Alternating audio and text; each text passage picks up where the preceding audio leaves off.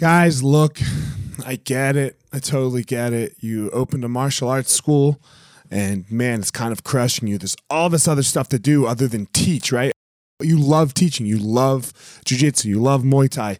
You love karate. Whatever it is you're you're teaching. And man, but there's all this other stuff. There's there's the front desk. There's there's taxes. There's curriculum. There's cleaning. There's there's problems, staffing, covering. Whew, man, it's so much. It's so much. Well, let me tell you, uh, we have started what's called Easton Online, and Easton Online is here to solve all of these problems for you. Easton Online is a digital academy for martial arts school owners and managers. Will help you establish or enhance your business with best practices. Most importantly, we're going to help you get back to what it is that you love most teaching and doing martial arts. Okay, so for more information, guys, go to easton.online. Again, that's easton.online. Add your email. You're going to get notified about the course launches. Our first course is going to be all about the first impression specialists, your front desk, and all kinds of stuff, special offers, promotions, as well as we started a podcast by the same name, Easton Online, that's gonna talk about our process of how how we went from a tiny little martial arts school to what is now seven martial arts schools, seven Brazilian Jiu Jitsu Muay Thai schools, um, in a very holistic way that we believe um, kept the integrity of the art and also deals with its people very well. So again, Easton.online, enter your email and you're gonna get all you're gonna get everything you need right there. So thanks, guys.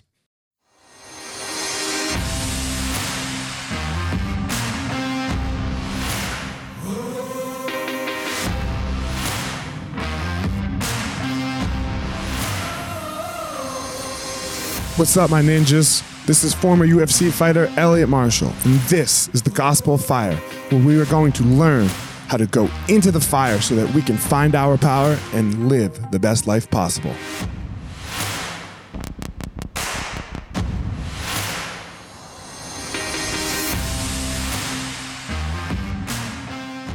Up, everyone? This week on the podcast, I have Dr. Todd Dorfman. Todd has been an ER physician and doctor for the past 30 years. Um, and man, I just thought it would be a good idea to have him uh, on because of the whole COVID situation, where we discuss a whole bunch of things about the differences between antibodies, antivirals. Uh, we discuss what the stay at home orders look like, how we are going to open back up, like what he thinks, you know, was really interesting. He called it a dimmer switch. And just like all of COVID, like to try to get around some of the BS that you hear um, on, uh, you know, on the news, like these little clippets where we have an hour long um, discussion and somebody actually gets to ask that person a question, right? Rather than them just talk. Um, he makes no money off of this, as some other people are doing off of uh, coming on, uh, going, uh, being doctors, right? Like they want their practices to open back up that that's not the case here. So uh, yeah, I thought it was, a, it was a good idea to have him on. So here we go, Dr. Todd. All right, guys, how's everyone doing? What's up, Todd? How are you? Hi, Elliot. Thanks for having me. Yeah, thanks. Uh, thank you for coming on because I, I have some questions. yeah, I'm looking forward to it. Everyone's confused about this uh, ordeal. Yeah, it, it's just so hard, right? Because uh, no, like you like the numbers don't like people i don't know like you see, you see such small numbers sometimes. And i think this really confuses people. Right. I mean there are a couple couple issues with the numbers you know so so first of all as as you and i've discussed elliot you being a math major and all the, the mm-hmm. numbers are important. And if you talk about case fatality rate or who dies and who doesn't die you have to know how many people are infected in total we have absolutely no idea what that number is. We also don't really know the top number of the equation, the numerator, which is how many people have actually died of COVID, because we don't have adequate testing. So there could be people who have died of COVID, for example, in the intensive care unit, and we just thought it was like an influenza pneumonia. Or there could be people who never made it to the hospital and, you know, like if you look at the statistics out of New York, it's very interesting. If you compare the number of people that died at home last year this time compared to this year this time, there's a lot more people that died at home. And this year or last year? Yeah, uh, this year. Okay. So, so maybe we can attribute some of that to coronavirus. That's what I mean. So I don't think the numbers are played out yet. And I think until we get really good testing, the numbers won't be really played out. So what do you say to like uh you know there's there's 50% of the people that are asymptomatic totally. Yeah. Right? So how will we ever figure out that bottom number? Yeah, it's really tough. You're right. So there are statistical analyses done, and they're done with like you know artificial intelligence programs and whatever. And Harvard just did a study, um, their epidemiology department, which you know talks about diseases in the world and how they're spread and how to avoid it and all that. So statistically, what they said is in order to encompass the majority of people where we can make decisions, we have, have to actually be testing between 500 and 700,000 people a day in the United States. So right now we're testing about 200,000. So we have to triple our testing in order to actually get good enough numbers to make judgments on that answer who's dying, who's not, who's sick, and who isn't. And then we make guesses like that, right? 25 to 50% are asymptomatic what what is it like with the flu right so uh like it, those are guesses right like when they say 16 or, or 30 million people have the flu every year yeah. those aren't confirmed tests right you're absolutely right so the only way people really get tested in these kind of environments are if they contact healthcare right like if you're a healthy guy like you and you get the flu you call up your friend who's a doc and you say, Hey, I got this, this, and the doc says, Hey, you probably have the flu. Stay home and don't contaminate everybody. You would never be tested, right? It just makes sense. It's flu season. You don't have other things going on. Maybe your kids just had the flu. It's that kind of thing. So it's only people that actually contact the healthcare environment. And even those people, when it's obvious that they have the flu, we don't test them. You don't test them when it's obvious. No. So if they come into the emergency department and it's the middle of flu season and they've got fevers, chills, aches, and pains, and three other people in their house, you know, tested or one tested positive, whatever, we don't bother spending the money on testing. So then how do they get that number of 0.1%, right? Because this is this is the number everyone's comparing it to right now, right? Every because we know what the flu is, it's 0.1%. So how do we get 0.1% on the flu? Because like I was um, using the um, Harvard study um, comparison before, we actually do have enough flu tests. Even though not everyone gets tested, we have captured enough of the population that we can make those estimates. Got it. Okay. So we and need more. Sure, anyone who's sick, like in the intensive care unit and has flu-like symptoms, all those people get tested. So we have a really good handle on influenza. Okay. So we need more testing, is what it comes down to. Yeah, absolutely. But I think it's important for everyone to realize that there's really two types of testing that are important. There's really, in my mind, Elliot, there's like four things that you have to look at about this kind of disease process, right? So the first thing is um, can you test for the disease up front? So that's called like an antigen test. And that's what we do with a flu. So you come in, we swab your nose or your mouth, and we send it to the lab, and we have that answer in a few minutes. And we know do you have flu A, flu B, or not the flu? Okay. We can do the same thing with something called RSV. That that's called respiratory syncytial virus, a kid kind of thing. You can come in uh, to the hospital, and your kid's got a croupy cough and this and that and we can be sure that it's RSV if we need to. Those are called antigen tests, and those are done upfront when you're sick. The other type of tests are called antibody tests, and they are often called serology tests, and people confuse that. It's just a test from your blood as opposed to swabbing your nose and your mouth. And the blood tests take, we think, in coronavirus, about 10 to 14 days to have positive response. And what that response is, is you're having antibodies, which is part of your immune system. And your immune system part, this part is called your adaptive immune system. It adapts to different infections and recognizes them with memory. And then as soon as they get in your body, it blasts them. So we get immunity about 10 days to two weeks after we can measure that immunity. We really need both types of tests for lots of reasons. We need to decide who can work and who should be quarantined. We need to decide who's actually immune and who isn't. We make, need to make decisions on the length of immunity. You know, um, I mentioned RSV, a common kid virus. The same kid can get that two or three times in a year because the memory is terrible. It's just like your memory or mine. Certain things you remember all your life, you'll never forget. It's perfect. Other things, you can ask me something about last week and I'm not going to remember it. So the RSV virus, our immune system doesn't remember it well. Whereas, like measles, it remembers it super well and you have lifelong immunity. And we have no idea where coronavirus is going to be in that kind of immunity picture. So that's a big problem. It's a big problem. And it's a big problem making a vaccine. People don't realize the easiest vaccines to make are ones that create great immune response. The ones that take the longest to make are ones that have the least immune response. So we we don't know. So everyone says, "Oh, year, year and a half." You know, to be honest, if a vaccine came out for this coronavirus in a year or a year and a half, it will absolutely 100% be the fastest vaccine production in the history of the world. So just so you know, that's unlikely. But okay, so let me ask a question about that though.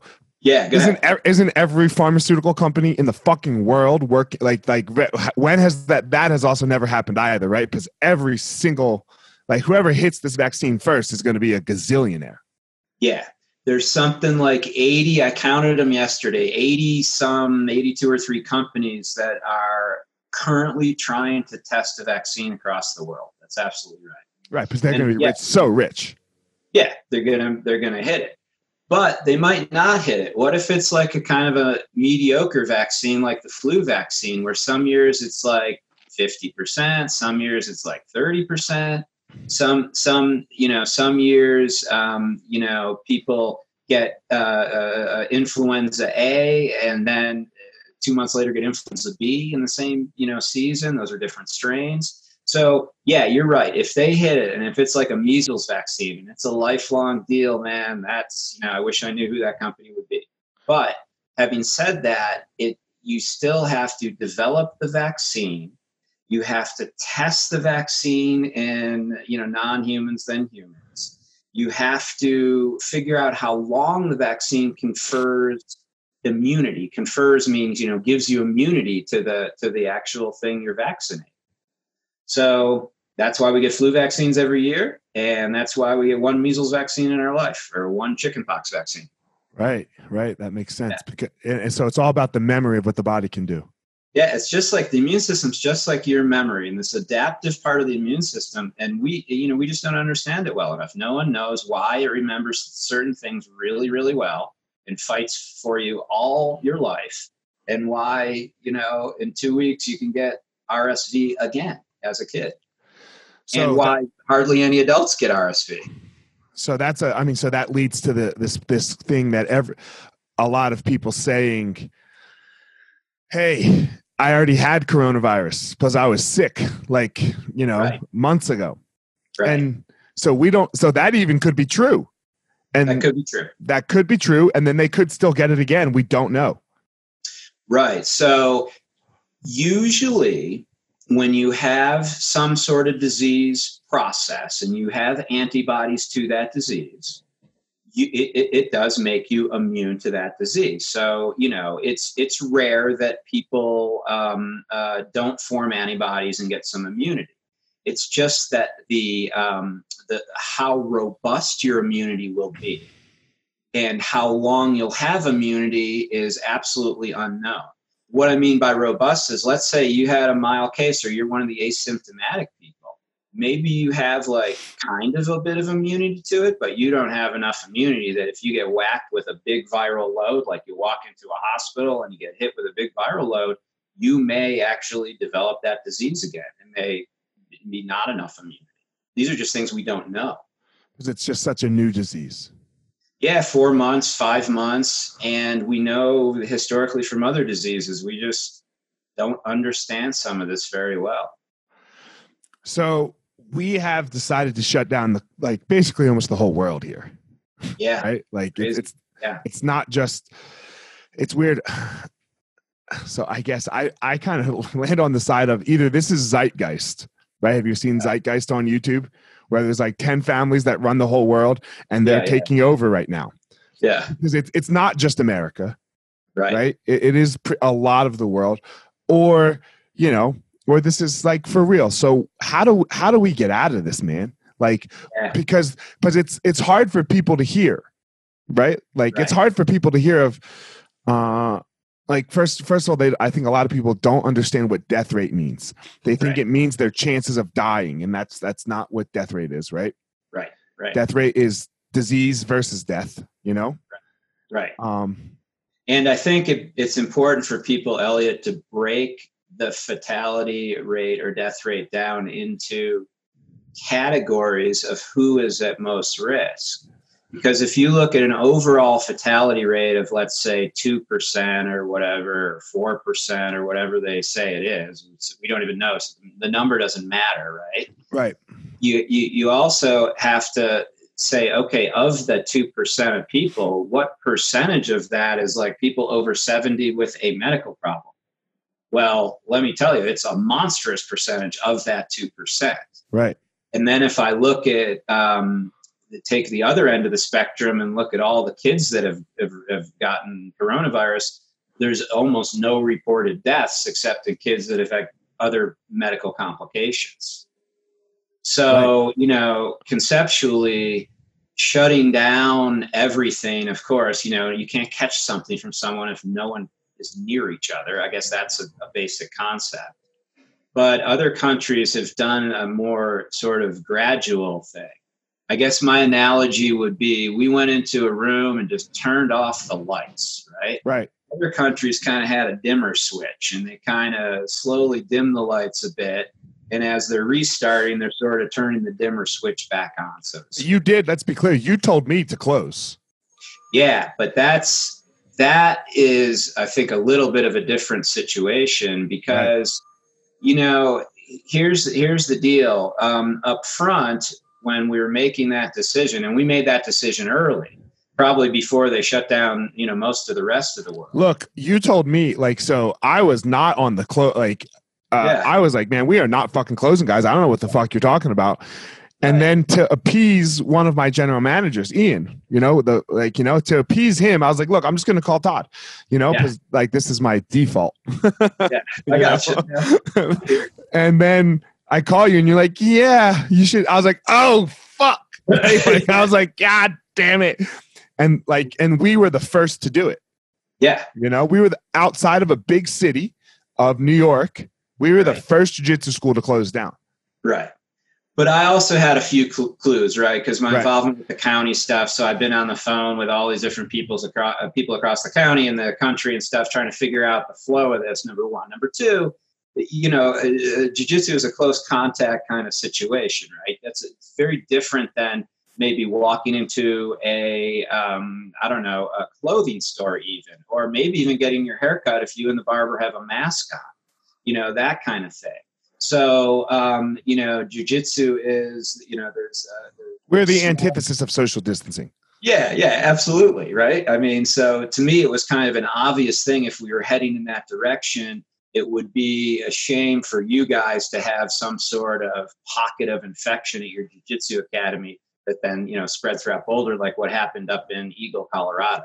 So Right. some of my decision was around just getting ahead of it early and then making decisions as we, we go. The, the bottom line is we never opened it or, or uh, back up because things went downhill, not, you know, they didn't improve Not uphill. Not Yeah. not good. Not in the good not, side, right? not good. So what I was really saying is exactly that with the dimmer switch. I would still take certain things and shut them down. For example, if you're age 70 and over, you should be at home, period. If you are at all ill, you should be home, period. everyone else who's out in public could have a mask on and do good hand hygiene and those kinds of things. But unfortunately, in this world, you know how it is. I mean, I'm sure you've had jobs or gone to school. You just have to be there you're sick and you just show up and you're exposing a bunch of people and it's not really what you want to do, but you don't have a choice. So we need to learn about wearing masks and we need to learn about social distancing. We need to learn about staying the hell away from others when we're sick. And then you could have had, to me, you could have had an economy of a bunch of people like, you know, you and others maybe who are healthy people working in the economy, helping to serve some of these people who you had to pull out of the economy, like the 70 and overs with medical problems, right? If you're on cancer chemotherapy, you should be at home. If you have an immune system that doesn't work, you should be at home. But everyone else could really kind of do what they did in Sweden and go about their business. You might catch it, you might not. But early on, we didn't know that kind of stuff. You do think it's time now to start figure to start uh, turning the dimmer up a touch. Yeah, I do. I mean, I think you know the economic uh, side of my brain says that you know people need to get back to things and need to work and the scientific side of my brain says that we could be a lot more specific about who we keep at home you know i use uh, i use my uh, sniper shotgun analogy which i'm not supposed to use on tv no, um, yeah, use it. Yeah, use it. Go ahead. but this is like, but this is like, um, this is to me, right? This is like going to uh, uh, shoot a something, and you have a sawed off shotgun, right? You're just spraying the whole area, and you're going to kill whatever you can kill, right? As opposed to a sniper who's looking through a scope and aiming very specifically at something. We should be more specific now about who we quarantine and who we don't to get the economy running again. That's what I think. Now, testing will really help with that. Right. Um, so I have some friends, right? Yeah. Like for example, and like they're my good friends, but they they don't wear masks. Yeah. How how do we get people to wear masks? Because like they they feel that it is a that this is all a scare tactic. Yeah. Right. Yeah. Like so. Because look, I, I mean, I only wear a mask because like I, I, I got three people, right? Like I have you, I have Sovendal, and I have Renee. And right. you all tell me to wear the fucking mask. So who am I? Right? right. Like like yeah. If if if you start telling me how to teach a jiu-jitsu class, I'm gonna start to disagree with you if I disagree with you. Right? right. but if you if you're telling if the three of you easily are saying, hey man, just put a fucking mask on. Yeah. No, put a mask That's on. That's what we should do. Yeah. Why why why is this why do you feel like it's so hard for people? But it's so easy. Just put a fucking mask on. So easy. I know. There's been I mean, look at other countries, how they've been doing this for decades, right? right. Look at I mean, traveling in Asia, right? Even even when people aren't ill, they get on the, you know, it's packed like you know sardines, and there's there's no social distancing possible, and 95% of them have masks on, even when they're healthy. Right. Um, so I think this is like something. This is a weird thing in America. I think it's really going to change. I mean, I think people really need to wear masks. Either, Not and, and it's probably maybe just during cold and flu season. Maybe for sure it is. If they that person is sick, the contact person should definitely have a mask on. So I, I kind of feel like it's going to change things, and I think it should change things to some extent.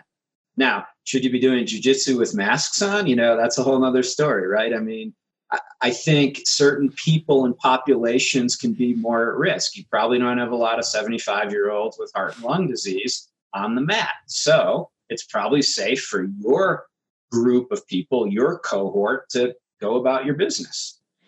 Right. Then, but then we should still wear a mask outside. Yeah. Right? Because we don't know. Yeah. Right? Like, I mean, during the event, I'm, I'm not advocating that everyone wears masks the rest of their lives outside. Right. I'm, I'm advocating that until we have a reasonable vaccine or a reasonable treatment or you know something because we've never done it for influenza it, and it's probably a really good idea because i guarantee this year we will have less influenza deaths in, in the united states. Because we're all social isolation sure. Right, right, so so think about it. So each year you about oh maybe third between 30 and 80,000 roughly people in the United States die of influenza like you were saying. Well i bet that's lower this year just because of the mass and social isolation that we're doing for the coronavirus. Right so right. During cold and flu season, or if people are sick, or if you're visiting a nursing facility, or if you're going to be in a hospital setting, you know, everyone should really have masks on. Do I think everyone, if you go to the gas station, you need a mask? If you know, if we have adequate treatments and vaccines, I, I think no. I think the big difference now is we don't have a treatment and we don't have a vaccine. And if someone elderly gets this, they're going to be in, in, in bad shape potentially. So, what about like on more of a macro scale of social gathering? Like, so uh, first schools. Yeah. Like public school. I've heard all different things about public schools um, and when they were gonna are going to decide to go back. Um, there's one um, chancellor of uh, actually Purdue University who came out and basically said, "We're definitely starting university again in the fall." Um, the kids who go to this school have close to a zero percent chance of dying from coronavirus. And you know for the few kids that might have underlying medical diseases that makes them more susceptible or whatever they can make their own decisions. So he's pushing forward based on what i just said.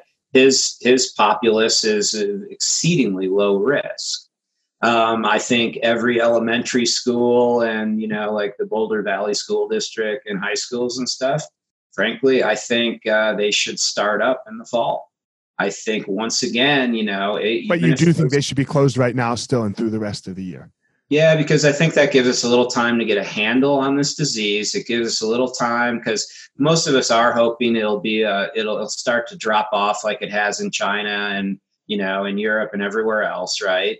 And it'll give us um, some uh, some time to maybe test some additional treatments. There's many many treatments being tested. We haven't talked much about that, but they're trying to figure out a treatment for this because obviously you can prevent the disease with a vaccine, and that's great. But then for whoever gets it, you want to be able to treat it so they don't die. So they're working on that.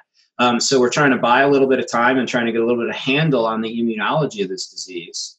And it's going to take some time. So yeah, I think they should start up in the fall. I'm fine with them stopping now. Although, quite frankly, I think it's a very low risk for kids in like the Boulder Valley School District. Right. So, and, um, but it's about spreading it to their grandparents or their sick parents. So, so you got to watch the spread thing, right? Right. So if they went to school and then they socially isolated and wore masks everywhere out in public, that would be a reasonable way to deal with it. Right, makes sense because you don't right because the because the old people, right? Like yeah. you, you go give grandma a hug and there's a problem, possibly. Right. And you know, Ellie, I want to, a lot of people I think get confused. So I want to make one other quick point about this. Just because you have antibodies and you don't get sick. So let's say you were exposed to corona two months ago. Right. And I stuck you in a room with 10 corona patients. You don't get sick at all because you have great immune system now for that, right? It doesn't mean you're not carrying the virus and can't spread it still. Does that make sense? That's a good point. Right. So you could doesn't mean everyone. it's sure. It doesn't mean it's not in your aura, you know, in your nose or mouth. It doesn't mean that you. Do you see what I'm saying? So you yeah, are just yeah, exposed, yeah. and just because you don't get sick doesn't mean you can't expose someone else. So we don't know that part of it either. So that's a little different part of the virus that we have to figure out. Got you. What about kid? Like a lot of kids have asthma. Yeah. What about kids in asthma and corona?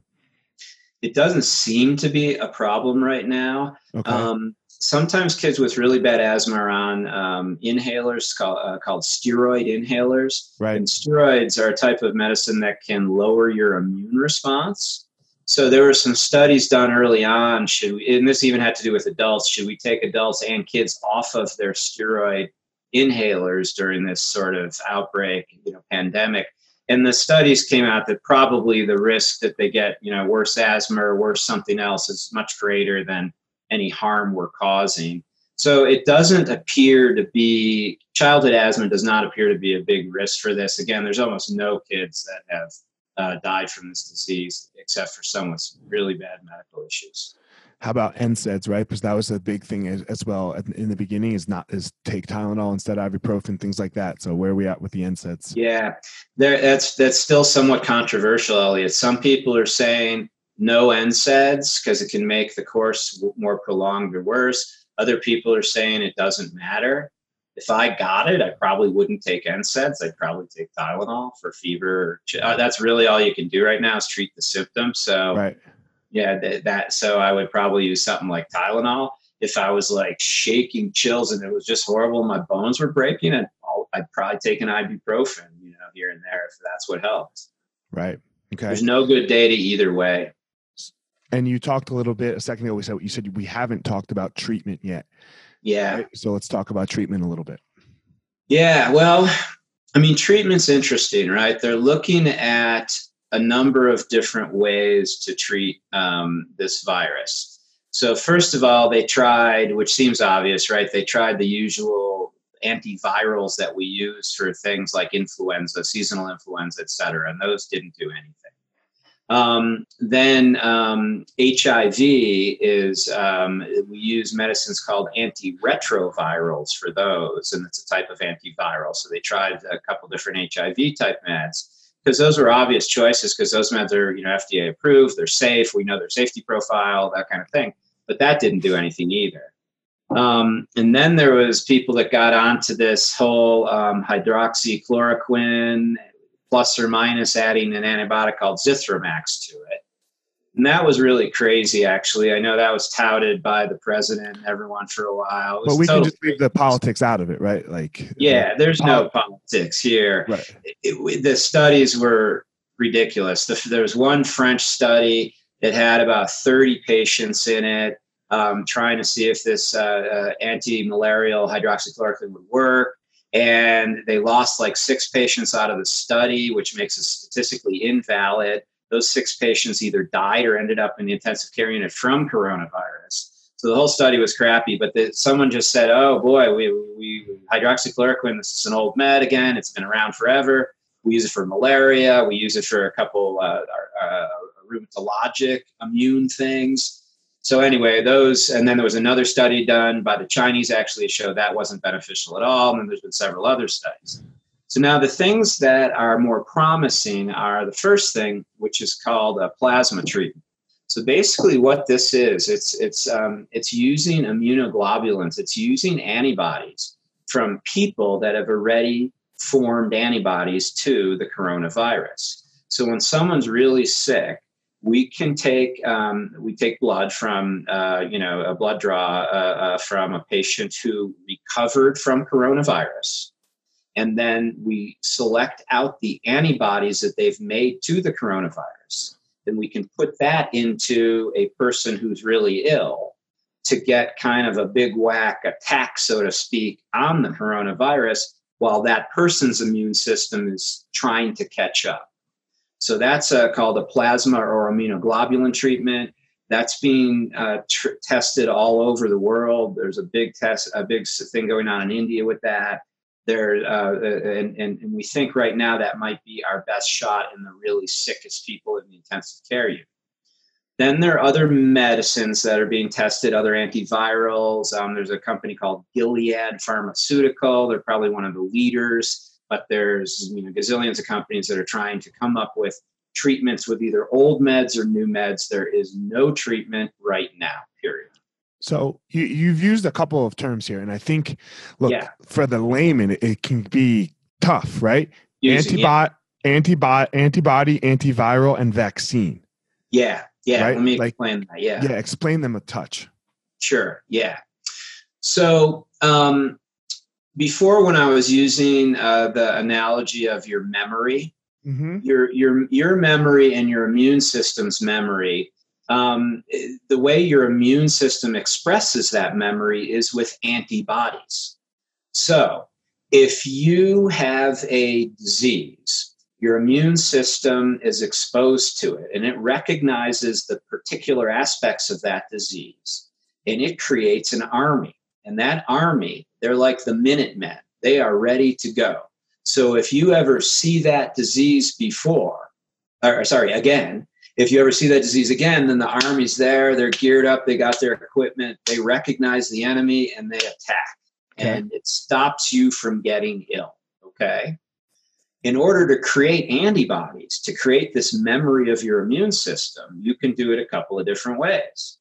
One way is you can give a vaccine The vaccine is usually the virus, like in this case, it'll be as some part of the coronavirus. Usually, it's the part of the virus that makes your immune system active. And what we have to do is figure that out, and then we can give you a vaccine. But the virus that gets injected can't replicate and cause you to be sick. So it gives your immune system an opportunity to create the army. With so the immune system creates the antibody. The vi- the yes. vaccine says, "Hey, create the antibodies." Yeah, you don't yeah. need to have any. They don't take antibodies and then make a vaccine. No, no. Right. Okay. No, that was a different treatment. What I was saying is we have so so let me back up one step. I, I just I think part of it was I I was on my text thread with my with you know our my my friends, you know. oh yeah. Yeah, and we were talking about this yesterday, and I was like, yeah. and, and what I said was, look, uh, you're seeing that people who have had it, it, it comes back, and the, like the antibodies aren't really mattering. And then they said, uh, or one of them said, "Hey, that I guess we'll never have a vaccine then," and that is not the case, right? Because the vaccine and the antibodies are. It's not the antibody first and then the vaccine. It's the vaccine to the antibody, is what you're saying. Or am I totally wrong? Right. Okay. No, you got it right. But let me explain a little bit different. Yeah. If I say the word herd immunity, herd means everyone in everyone. the population, a herd. Okay. Right. Our goal is to have everybody immune to the coronavirus. So if it comes through, we can't get it again. Okay. Mm-hmm. The way to do that is to create antibodies. Okay. Your immune system is the creator of the antibodies. It's, it's called the adaptive immune system. So that adapts to whatever is foreign in your body and creates antibodies. Okay. Then the way to get your immune system to react, there's really only two ways. One, you can actually catch the coronavirus, and your immune system reacts and makes antibodies. Or you can get a vaccine, so your immune system reacts and creates antibodies. But that's the only way to create herd, herd immunity. immunity. Got it. Okay. Yep. And but then the bigger question is how long does that immunity last? That's when I was talking about the length of your memory and all that. Right. Got it. Okay. So though those things are really in the category, Elliot, of preventative things, right? Because that will prevent you from getting the infection next time around, hopefully. Okay. The other category that I was talking about is the treatment category. And that's uh, if you have coronavirus, and you are sick, what do we do? Right now, we don't know what to do exactly. Because there's no antiviral. Is that correct? Bingo. Because there's it. no Ant- antiviral. Antivirals deal with being sick right now and how yeah. how we treat it now. Antibodies yeah. are what you build up, and the and the vaccine. I, I know what a vaccine is. I hope everyone yeah. knows what a vaccine is. Yeah. Right. Okay. So that the was the anti- big one that was confusing me was antibody and antiviral. Yeah, so think antiviral is like against viruses. It attacks viruses, okay? Got it, it attacks the coronavirus. And then the antibody is how you prevent from getting sick. Got it. Makes sense. Yeah. Um, all right. Three more questions. Yeah.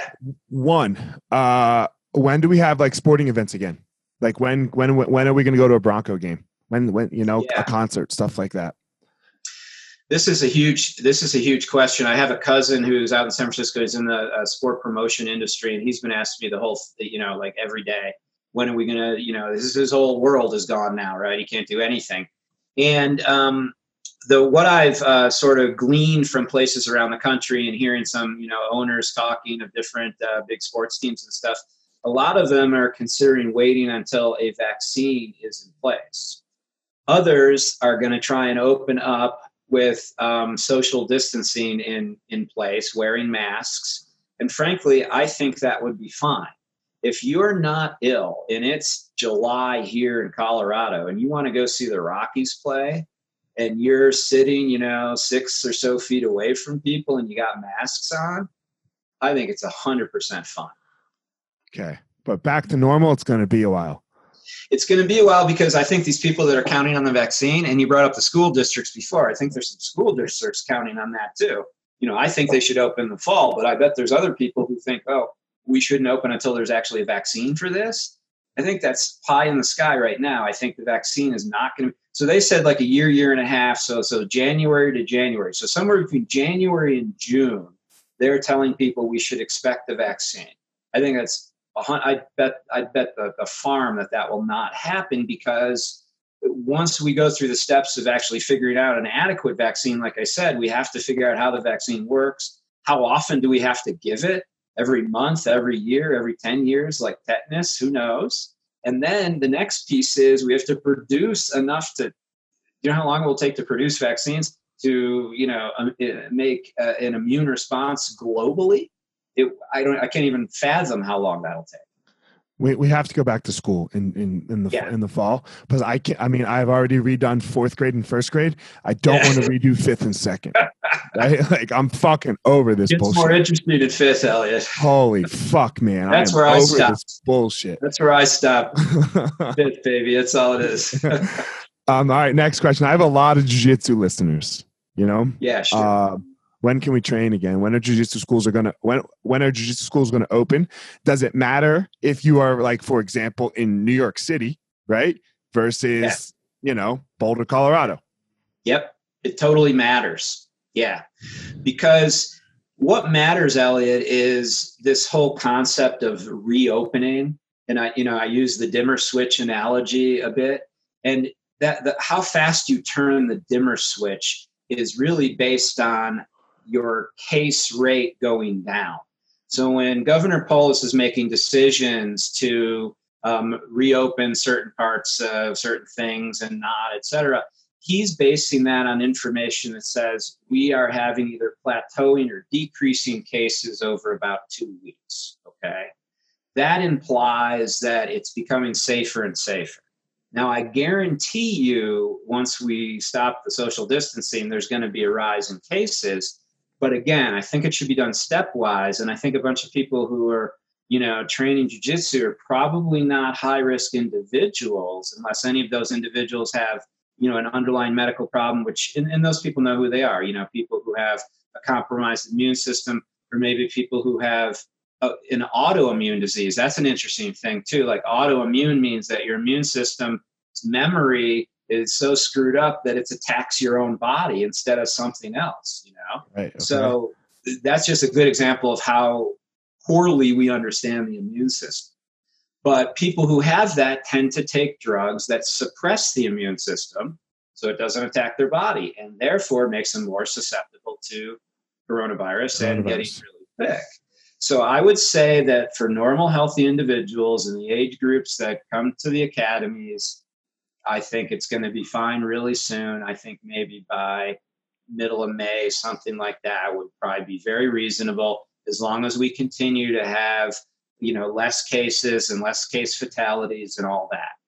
But that brings up your point about New York. They'd never be ready by that time because there's right. too many. So just right. I mean, so some there's a guy in California who opened uh who opened this week because he was like, look, man, fuck you guys. He's in Northern California, right? He's like, yeah. we've had 30 cases in the whole county the whole time. Like, yeah. I'm not closing. Like, yeah. 30 cases over four months. Fuck off. Right. It's like, I, I, don't, I don't need to be closed. Yeah. I think that guy's right, Elliot. I mean, I think, you know, I really do. Like you guys did the right thing, you know, and I'm sure he closed up front too. Like even yeah, he, he did. didn't know that he wasn't going to be a pocket that went right. crazy there. So I think everyone did the right thing up front. But now I'm 100% sure it's time to start rolling. But like I said, strategically, sniper like with the dimmer, right? We right. need to go slowly and we need to specifically say, yeah, you're good to go do whatever you want, but you're not good. You need to stay at home still. And when what happens with the reemergence? Like they're they're, they're talking about this like second and third waves. Yeah, well, I I think the first issue is to tell you I don't know if I buy that or not. Here, so here's a couple examples. You heard of the SARS virus, right? Right. Yeah. Right. That was like 2002 or three, if I remember correctly. You never heard of, of it again, have you? No. That's because it hasn't come around again. You heard of the MERS virus, the Mediterranean respiratory? Yeah, I, I know what it is, but it, we okay. it was gone, right? Right, gone killed it killed had a huge fatality rate in the Middle East. It was something in the like high, high 70, 80% range, but it never really got anywhere. Those are two other types of coronaviruses. Coronaviruses. Yeah. So those are the two other kind of deadly types. Then there's six other types that are just like common cold, you know. So the coronavirus has a big family, right? And in the family, it's got like three deadly uh, offspring, and it's got six that are pretty normal. And we don't know if this one will act like SARS and MERS and maybe not come back, or maybe come back every decade or every three years, or maybe it'll be like seasonal influenza and it's here to stay and it's going to be here every year. So right. that's when you're going to get a reemergence. But again, reemergence is it's not so much about the reemergence. It's like, will we have stuff in place at that time? Will we have a vaccine? Will we have a treatment? Will we be able to? Will it end up being just like influenza because we have vaccines and treatments? Okay, last question. Yeah. Uh, how do we get the public to listen to experts again?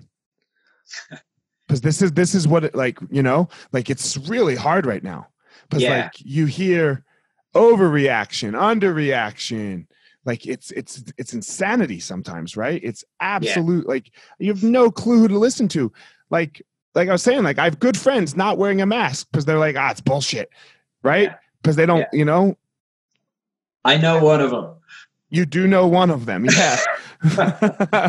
you know, and yeah. so like like, and we're not going to mention his name, but how do we get him to listen to you to wear a fucking mask? Like it's yeah, yeah. Like why? What is that?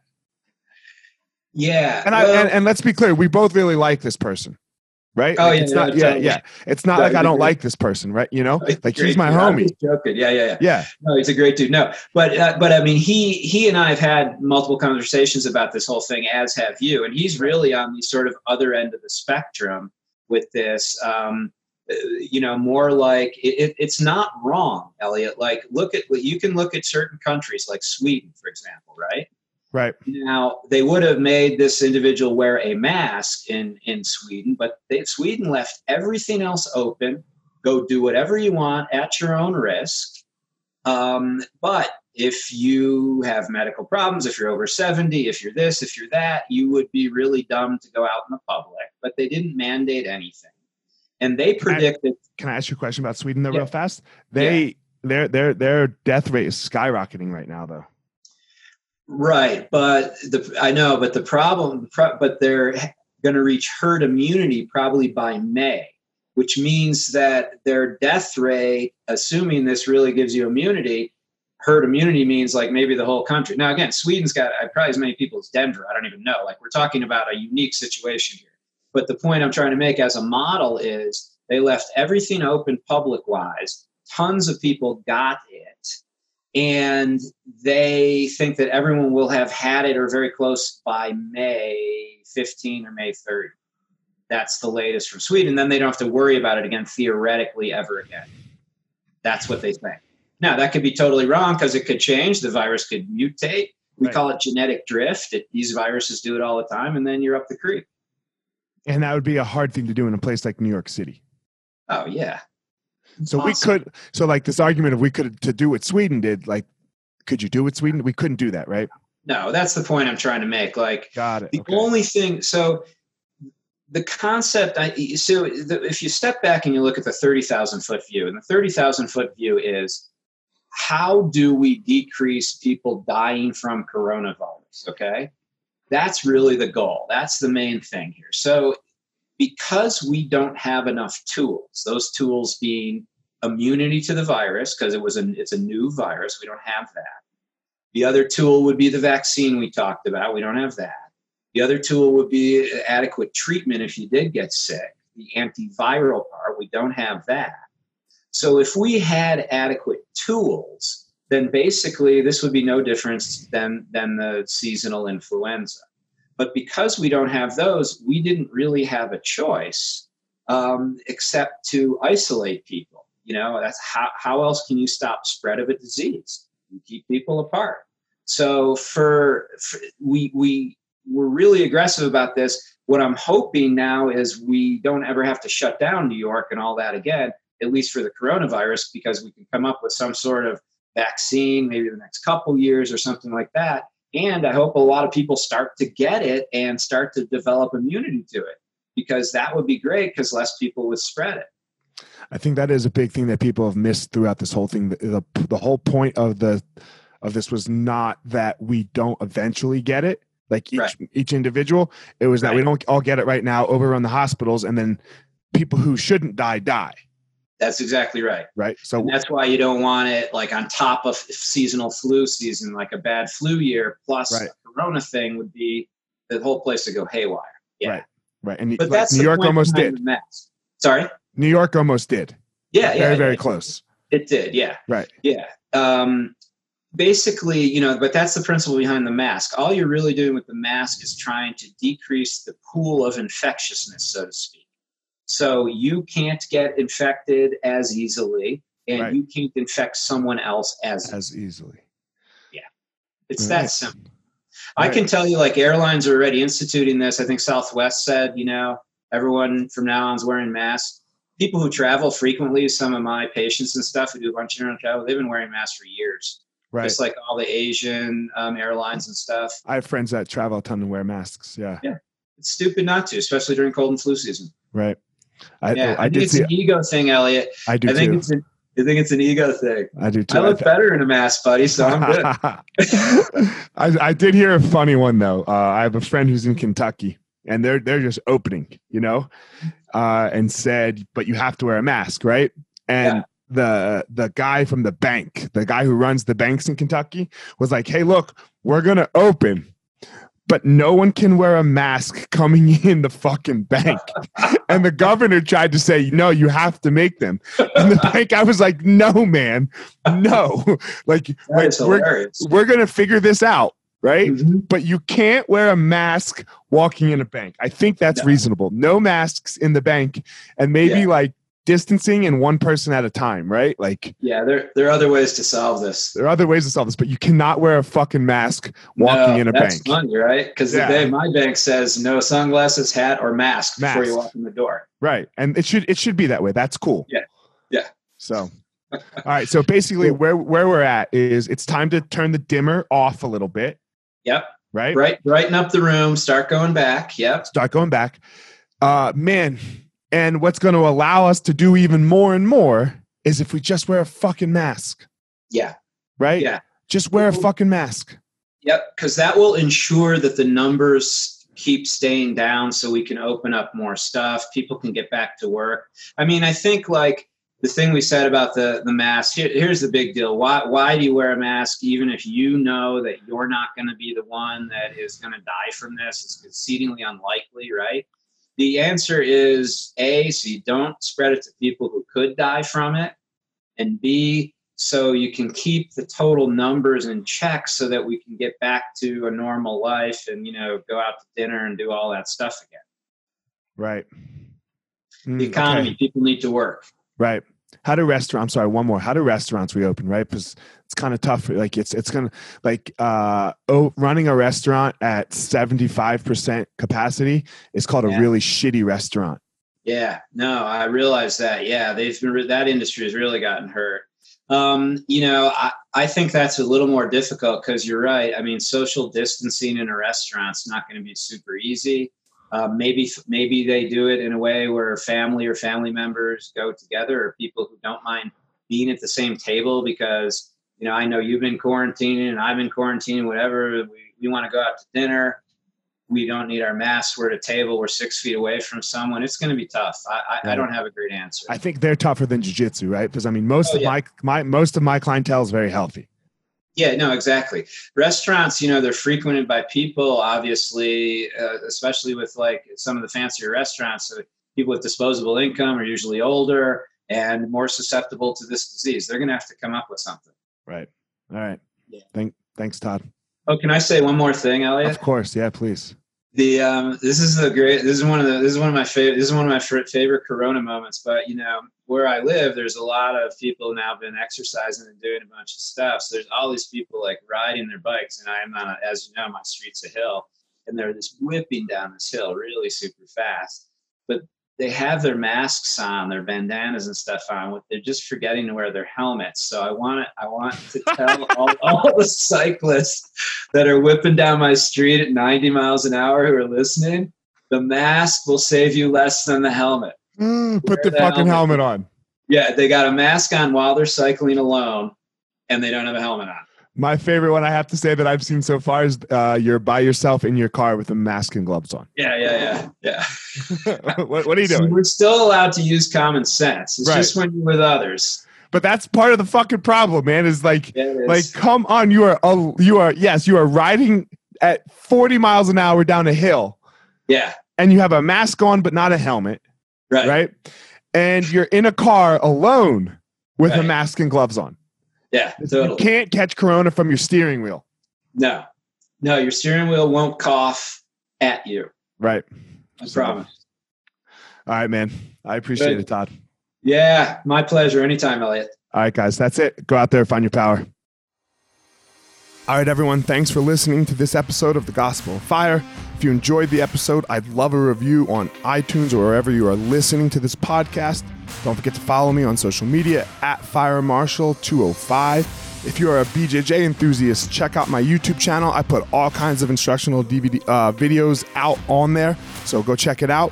My book is still out on Amazon by the same name as the podcast, The- Gospel of Fire. So if you are interested, go check out that. And most importantly, guys, go out there every day, find your power. Thanks a lot.